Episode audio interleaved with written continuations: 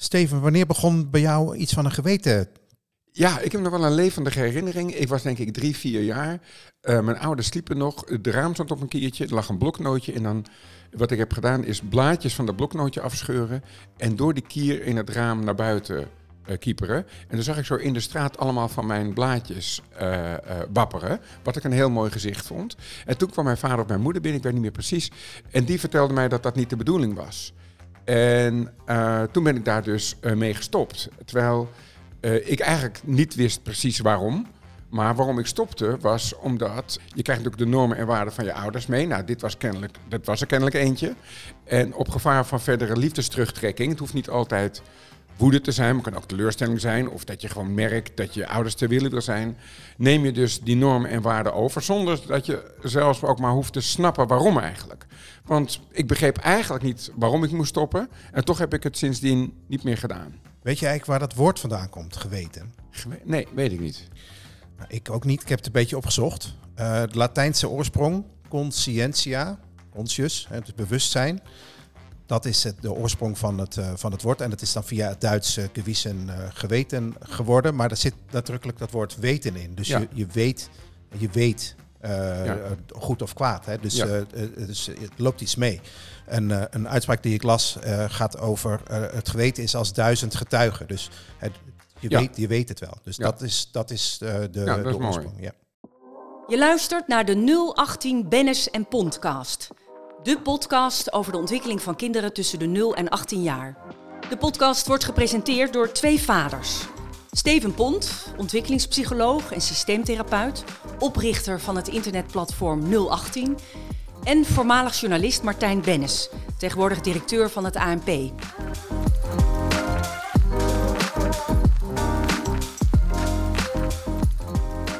Oké, dus dat was al een quote, maar dat, was dat je quote of heb je ook nee. nog een quote gevonden? Nou, als je gaat zoeken naar quotes over het geweten, ja. dan kijk, eigenlijk staat alle literatuur, de religie, ethiek, het gaat allemaal over geweten. Het gaat ja. allemaal over goed en kwaad. Dus ja.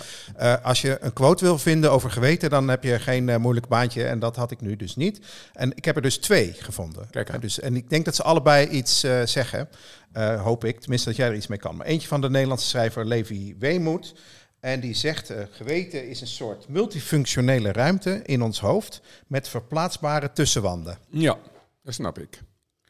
Doe ik die tweede en dan ja? misschien wil je er dan iets over zeggen. Hè? Want die tweede, je weet, ik heb economie gestudeerd ja. en uh, dat gaat meer over eigenbelang. Ja. Hè, mensen volgen hun eigenbelang meer dan hun, hun geweten.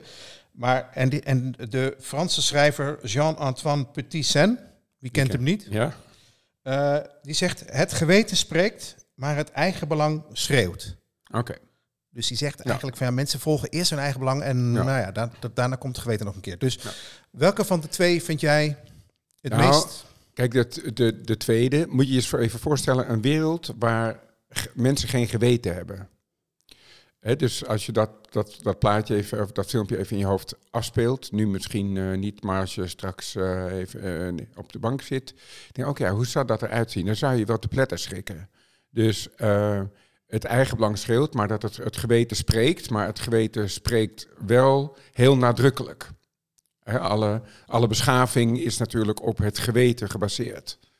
Uh, en het zelfbelang niet. Dus het is maar net waar je de microfoon uh, zet.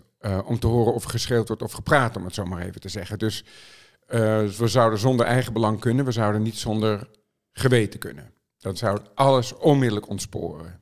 Ik begrijp dat het geweten iets belangrijks is voor psychologen zoals jij. Maar kun je uitleggen hoe het geweten zich bij kinderen ontwikkelt en in de loop van hun jeugd? Ja, uh, nou allereerst is socialisatie natuurlijk heel erg belangrijk, want we moeten het samen doen. Een mens alleen, die overleeft het niet. Dus je moet je verhouden tot je medemens. En een van de krachtigste dingen die we daarbij hebben, is natuurlijk dat je een geweten hebt. Dat je andere mensen uh, niet misbruikt, zodat ze uiteindelijk niet meer met jou de mammoet op willen jagen. Uh, dat soort zaken. Dus je moet je verbinden met elkaar en daarvoor moet je een gedeelde normen- en waardepakketje hebben. Nou, en Kinderen komen natuurlijk onwetend op de wereld. Die moeten dat normen- en waardepakketje aanleren. Nou, hoe leren ze het aan? Ik heb het in de inleiding al een beetje gezegd. Je doet allerlei dingen, daar krijg je commentaar op. Um, uh, het, het, systeem, hè, dus het gezin of de maatschappij laat weten... dit is goed, dit is fout. En uh, op gevaar van afkeuring of straf of dat je ouders teleurstelt, pas je je normen en waarden zelf daar dus op aan. En zo neem je heel langzaam dat normen- en waardepakketje over. Wat niet eenvoudig is, omdat als je heel jong bent, heb je ook nogal een uh, last van je impulsen. Hè? Dus die impulscontrole is nog niet heel erg hoog. Dus je weet dat sommige dingen niet mogen. En toch, die impulsen hou je er niet onder. Uh, je weet dat je een ander kind niet mag slaan. Maar als je gefrustreerd bent, omdat je die impulsen nog niet onder controle hebt, geef je een, je, je vriendje van drie dan toch een klap. En dan krijg je dus dat commentaar van je omgeving. En, en dat is dus uh, een patroon dat zich vast moet zetten. En uiteindelijk um, heb je je ouders ook niet meer in de omgeving nodig om niet je vriendjes meer te slaan, omdat je er dan dat, die normen en waarden geïnternaliseerd hebt. Die heb je dan echt van jezelf gemaakt. Maar de ouders zijn dus in het begin van het leven het externe geweten van een kind. Net zo goed als je, je leert lopen of dat je leert schrijven, dat iemand eerst even zijn hand op jouw hand legt en laat zien hoe de H gaat. En dan, en, dan, en op een gegeven moment kan je het zonder die hand. Oké, maar maak je stappen in, in 18 jaar, zeg maar, van 0 tot 18. Maak je, kan je dan zeggen, nou, het is uh, tot 3 moet je dit en dan, hè, dus, en op 18 is het zo'n beetje af. Ja, nou, we, onderscheiden eigenlijk drie periodes. Dus het gaat over uh, of je conventies, regels, normen en waarden, of je die overneemt. Maar zo word je natuurlijk niet geboren. Dus we hebben het over de, eerst over de preconventionele fase. Dus dan snap je die conventies nog niet. En wat doe je dan, waar ik het net hè, over had, is je volgt gewoon je impulsen. Wat je doet, wat je voelt, dat is wat je doet. Dan krijg je dat commentaar.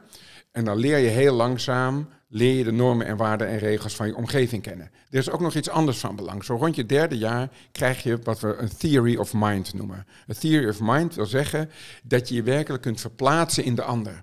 Dus het is niet meer zo dat ik jou geen klap geef omdat ik anders straf krijg of afkeuring over mezelf afroep, maar dat ik me kan verplaatsen hoe het voor jou is om een klap te krijgen. Daar zijn we ook niet mee geboren. Dit, dus in je ontwikkeling uh, uh, ervaar je dat steeds meer. Ook omdat ouders zeggen van, hé, hey, dat is niet oké, want uh, Jeannette heeft nu pijn. En denk, oh, wacht even. Dus we maken ons ook geen zorgen. We beginnen natuurlijk wel als een, als een jongetje van twee een spin een poot uittrekt, bij wijze van spreken. Dan kan hij zich niet voorstellen dat die spin pijn heeft, omdat hij zich niet voor kan stellen dat er pijn buiten hemzelf zou kunnen zijn. Dus als ik geen pijn heb, is er geen pijn dat is heel normaal als je twee bent, maar zo vanaf je derde en je krijgt die theory of mind, dan begrijp je dat jij een andere beleving van dezelfde situatie kunt hebben dan ik. En dan, zo 3, 4, 5, 6 en zo rond je zevende kom je dus in die conventionele fase, waarin het heel helder wordt, dit wel, dit niet. Dat zie je ook bijvoorbeeld bij kindsoldaten. Als je echt trouwe soldaten wil hebben, dan moet je kindsoldaten inzetten, want die leven in een enorme zwart-wit wereld. Dus zegt van, nee, mag niet. dus je ziet een kind iets, iets doen waarvan het heeft geleerd dat je mag niet zonder schoenen naar buiten. En er is er een ongeluk buiten en dan ren je op je sokken naar buiten. En dan zegt het kind, hey, mag niet. Je mag niet op je sokken naar buiten. Omdat hij niet snapt dat er dingen groter zijn dan de conventies, dan de regels en de normen en waarden. En dan kom je daarna in de postconventionele fase, dus die komt erna. En dan begrijp je dat er persoonlijke en hogere doelen zijn dan alleen maar strikt de regels naleven. Dus het gaat eigenlijk in die drie fasen. Dus je begint met de impulsen, dan begin je met de regels en dan begin je jezelf tot de regels te verhouden, wat iets anders is dan je strikt aan de regels te houden. En op een gegeven moment is het wel eens een beetje af. En dan ben je, is dat als je volwassenheid bereikt is? Ja, dat eigenlijk niet. Uh, want dit is een beetje de eenvoudige versie, want er zitten ook weer verschillende trapjes in die drie fasen. Maar er zijn maar weinig mensen die echt tot het uiterste komen van de gewetensontwikkeling. En die dus bijvoorbeeld ook nog op volwassen leeftijd alleen maar hameren op mag wel, mag niet. Misschien wel even leuk te vertellen hoe ze dat hebben onderzocht. Ze hebben gezegd, er is een apotheker en die heeft zijn weekenden en zijn vakanties besteed aan het ontwikkelen van een medicijn. En het is een heel zeldzame ziekte en uiteindelijk heeft hij dat medicijn. En iemand in het dorp, zo wordt het aan die kinderen verteld, uh, zijn vrouw is ziek. En hij gaat naar de apotheker en hij zegt, ik wil, ik wil dat medicijn kopen. Ja, zegt die apotheker, dat kost zoveel. Ja, zegt die man, ik, ben, ik kan dat nooit betalen. Ja, zegt hij, nou, Dat is dan jammer. Eh, maar anders gaat mijn vrouw dood. Zeg, ja, maar je kan, dat is wat de prijs is. Nou, en die man die breekt in bij de apotheker en steelt dat medicijn. En nu is de vraag aan kinderen, mag dat? Ja. Dus je voelt al, dat is ja of nee, maar de redenatie achter ja of nee, die wordt, kom- wordt van een steeds hoger niveau. En het hoogste niveau is natuurlijk uiteindelijk ja. Dat zegt althans de theorie van Kohlberg. Dat is de man die de grote man van het geweten, van de gewetensontwikkeling. En, maar die, de kind van drie zegt ook al ja, van twee. Als stel even in een vereenvoudigde versie van dit verhaal. Want zegt gewoon ja, natuurlijk, want jij wil het toch? Nou, dan pak je het. Begrijp je? Dus ja blijft hetzelfde, maar de redenatie daarachter. En eh, niet alle volwassenen halen de hoogste fase. Sommigen blijven hangen in het nee van dat is gewoon een regel, mag niet. Ja, precies. Oké. Eh, is, het, is het overdreven als ik stel dat er hele gevangenissen vol zitten met mensen bij wie de gewetensontwikkeling niet helemaal eh, voltooid is? Nee, dat is een hele goede veronderstelling. Dat noemen we vroeger psychopathologie. Hè? Dus dat zijn psychopaten. Woord gebruiken we niet meer. We zeggen nu eh, eh, dat je een sociale persoonlijkheidsstoornis hebt. En daar komt die theory of mind bijvoorbeeld heel goed eh, in uiting. Omdat die mensen, die gaan dus met hun medemens om zoals jij met een, met een schaar omgaat. Of nu met je bril. Dus die voelen niet, die kunnen zich niet werkelijk verplaatsen in de ander. En kunnen op dus op die manier, nou, wat ik net zei, vrij instrumenteel met ze omgaan. Alsof ze een ding zijn.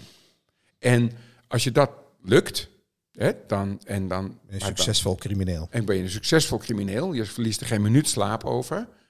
En wat we wel vaak zien natuurlijk, is dat er is ook instrumenteel met die mensen omgegaan in hun jeugd. Ja. Dus ze hebben dat niet meegekregen. En wat je niet hebt meegekregen, kun je ook moeilijk uitserveren als je later groot bent. Nou, nou luisteren veel ouders naar onze podcast. Ja. Dus eh, die willen natuurlijk weten van hoe, hoe stuur ik dat? Is een geweten iets wat, wat in de basis er is en moet ik daarop eh op acteren? Of eh, wanneer doe ik het goed? Ja. En wanneer doe ik het niet goed? Kan je daar iets van zeggen? Ja. Nou, het gaat over een, over een aantal dingen. Dus het, het, is, het moet worden aangeleerd. Dus je leert in je socialisatie met je omgeving, waarvan je ouders belangrijke ankerpunten zijn, leer uiteindelijk wat het normen- en waardepakketje van het systeem is waarin je eh, groot wordt. En dat gebeurt op twee dingen. Eén is op cognitief gebied, dus dat een kind cognitief snapt het verschil tussen goed en fout. Dus daarom zie je ook dat bijvoorbeeld mensen met een lage IQ, dat die eh, snel een verminderde gewetensfunctie hebben.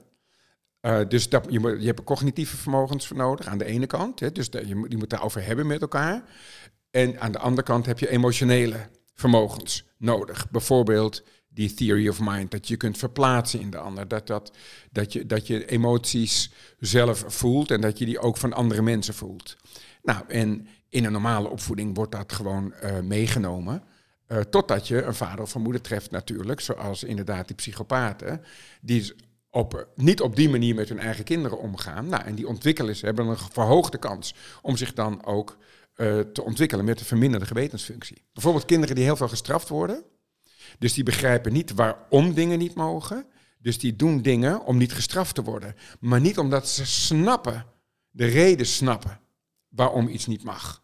Dus het gedrag ziet er aan de buitenkant hetzelfde uit. Namelijk, ze doen het allebei niet meer. Maar het ene kind doet het uit angst en de ander doet het uit begrip, uit inleving. Oké, op het gevaar af dat ik het allemaal even te simpel maak. Hè? Maar zijn er soort do's en don'ts? En dus als je wil dat je kind een gezond, volwassen geweten ontwikkelt, zijn er dan dingen die je gewoon per se niet moet doen en dingen die je echt wel moet doen? Ja, eh, moet, we moeten begrijpen dat heel veel dingen die kinderen doen, doen ze niet omdat ze dat bij hun volle verstand doen. Want dat zouden we dan volwassenheid kunnen noemen. Dus heel veel dingen die fout gaan, die gaan fout uit onwetendheid en onkunde.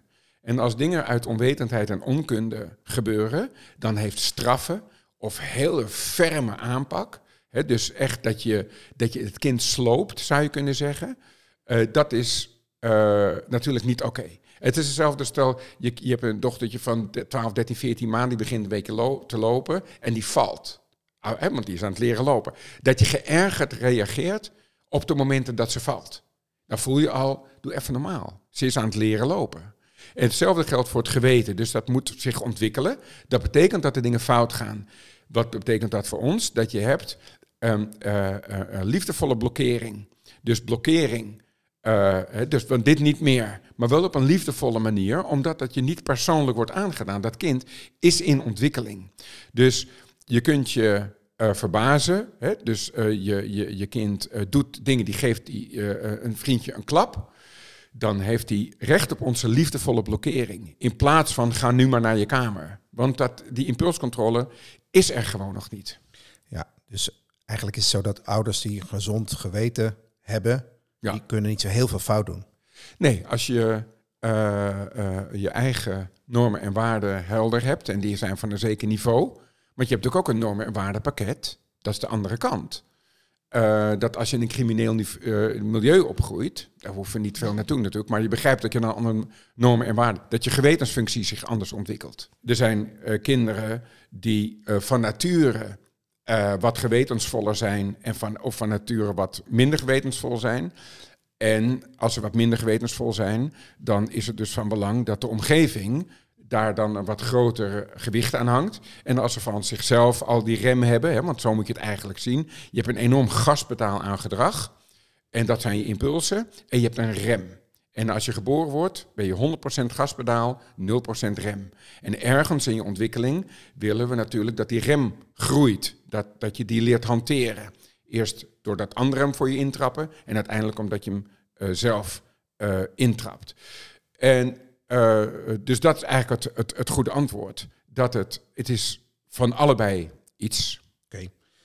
Is het zo dat, dat het geweten in alle culturen anders wordt ingevuld? Of is er ook nog een soort harde kern van menselijk geweten? Ja, er is eigenlijk één ding uh, wat in geen enkele cultuur wordt geaccepteerd. En voor de rest uh, wordt, gebeurt alles. Hè? Dus als, als uh, eerwraak bijvoorbeeld wordt in sommige culturen niet als moord gezien. Dus daar is dat goed. In de, in de ethiek is dat goed dat je dat doet. Want je redt de familie-eer. Uh, bijvoorbeeld, uh, er is één ding wat in geen enkele cultuur geaccepteerd wordt en dat is incest.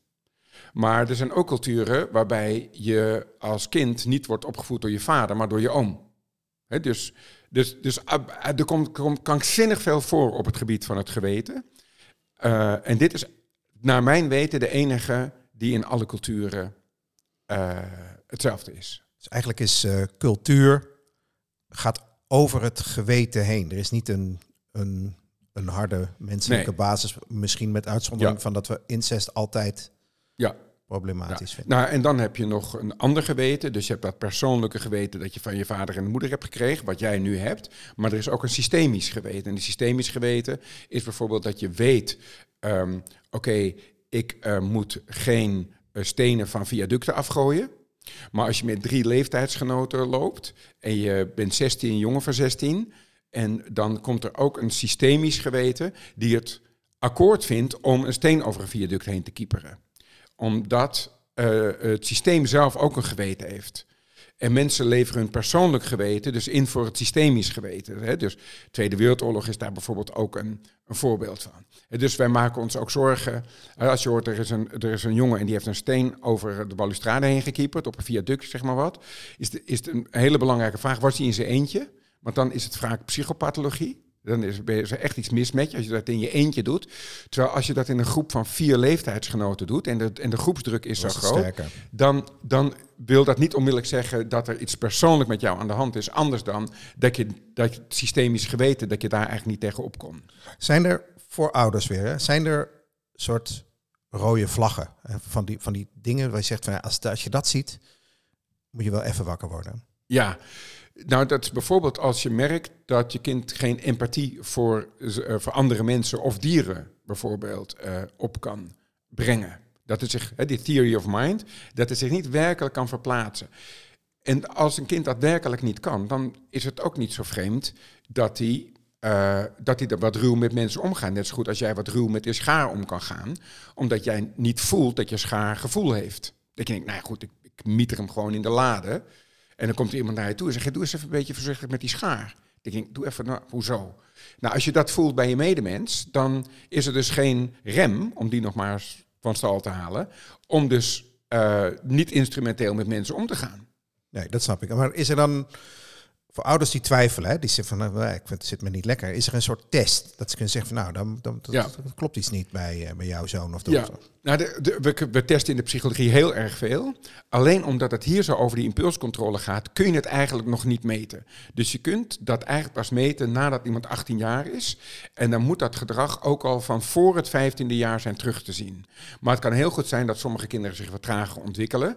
En dan moet je natuurlijk niet onmiddellijk denken dat er iets met de gewetensfunctie niet op orde is, maar dat het kind zich gewoon wat trager ontwikkelt. En dat dat later wel weer bijtrekt.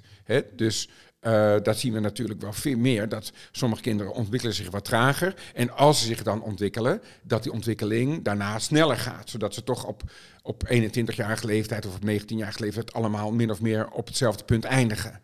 Dus daarom is het moeilijk om dit al heel sterk bij hele jonge kinderen vast te stellen. En dan, de, de vraag die hier dan op volgt wellicht is, maar is er dan ook een therapie? Stel voor, psychologen stellen vast van, nou, er, er is inderdaad in de gewetensfunctie wat eh, achterstand opgelopen of we hebben hier... Ja. dus is er dan een, een, een weg naar genezing? Ja. Nou, niet bij kinderen, hè, want we, gaan, we doen dit niet bij kinderen. Bij volwassenen is het heel moeilijk, zo niet onmogelijk. Dus als er geen gewetensfunctie is, ten eerste gaan die mensen niet zelf naar een therapeut, omdat ze er zelf geen last van hebben. Het is omge- ze belasten hun omgeving, niet zichzelf. En, ehm, eh, en daarna is het heel moeilijk en soms zelfs gevaarlijk om mensen zonder geweten eh, therapie te geven, omdat je ze inzicht gaat geven in hoe het bij andere mensen werkt.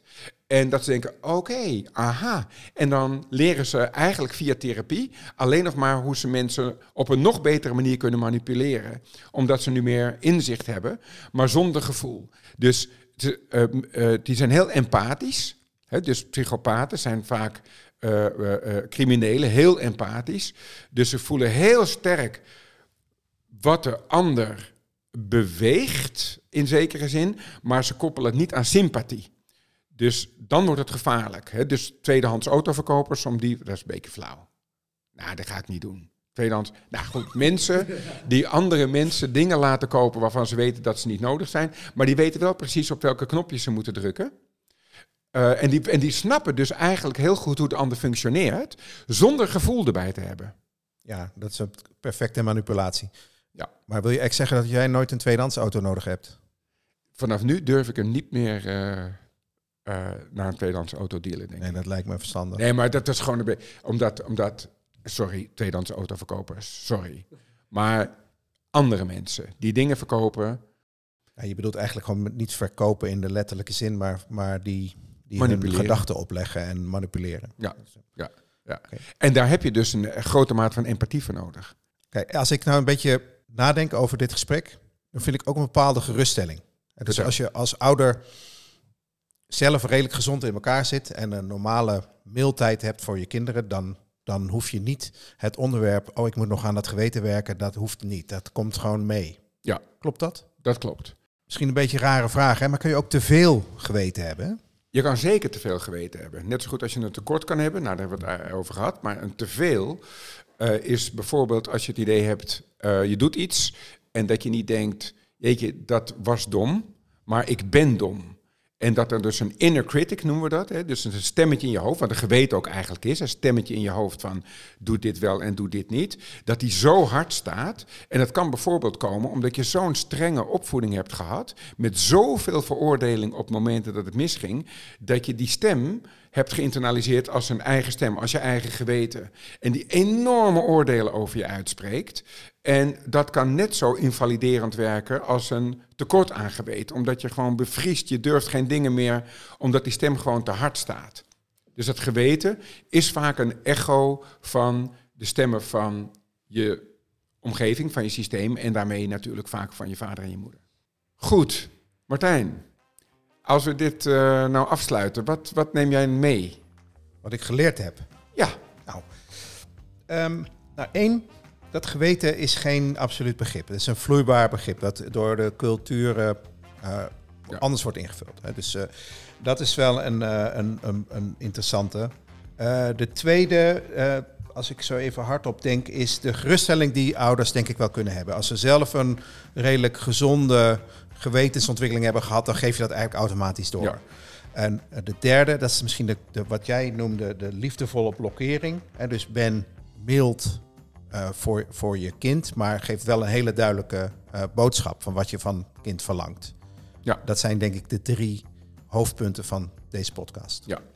Als ik er zo over nadenk, en dan is het geweten en onze rol als ouders in de, in de opvoeding misschien wel het belangrijkste onderwerp wat je kunt bespreken in de psychologie. Van de ene kant gaat het gedachteloos en van de andere kant is het goed om er toch eens een keertje over na te denken. En volgens mij hebben we dat gedaan. Dat vind ik een mooie afsluiting.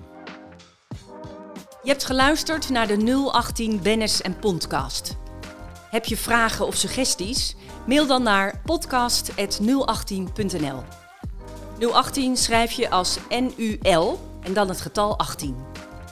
De podcast wordt gepresenteerd door twee vaders. Steven Pont, ontwikkelingspsycholoog en systeemtherapeut, oprichter van het internetplatform 018. En voormalig journalist Martijn Bennis, tegenwoordig directeur van het ANP.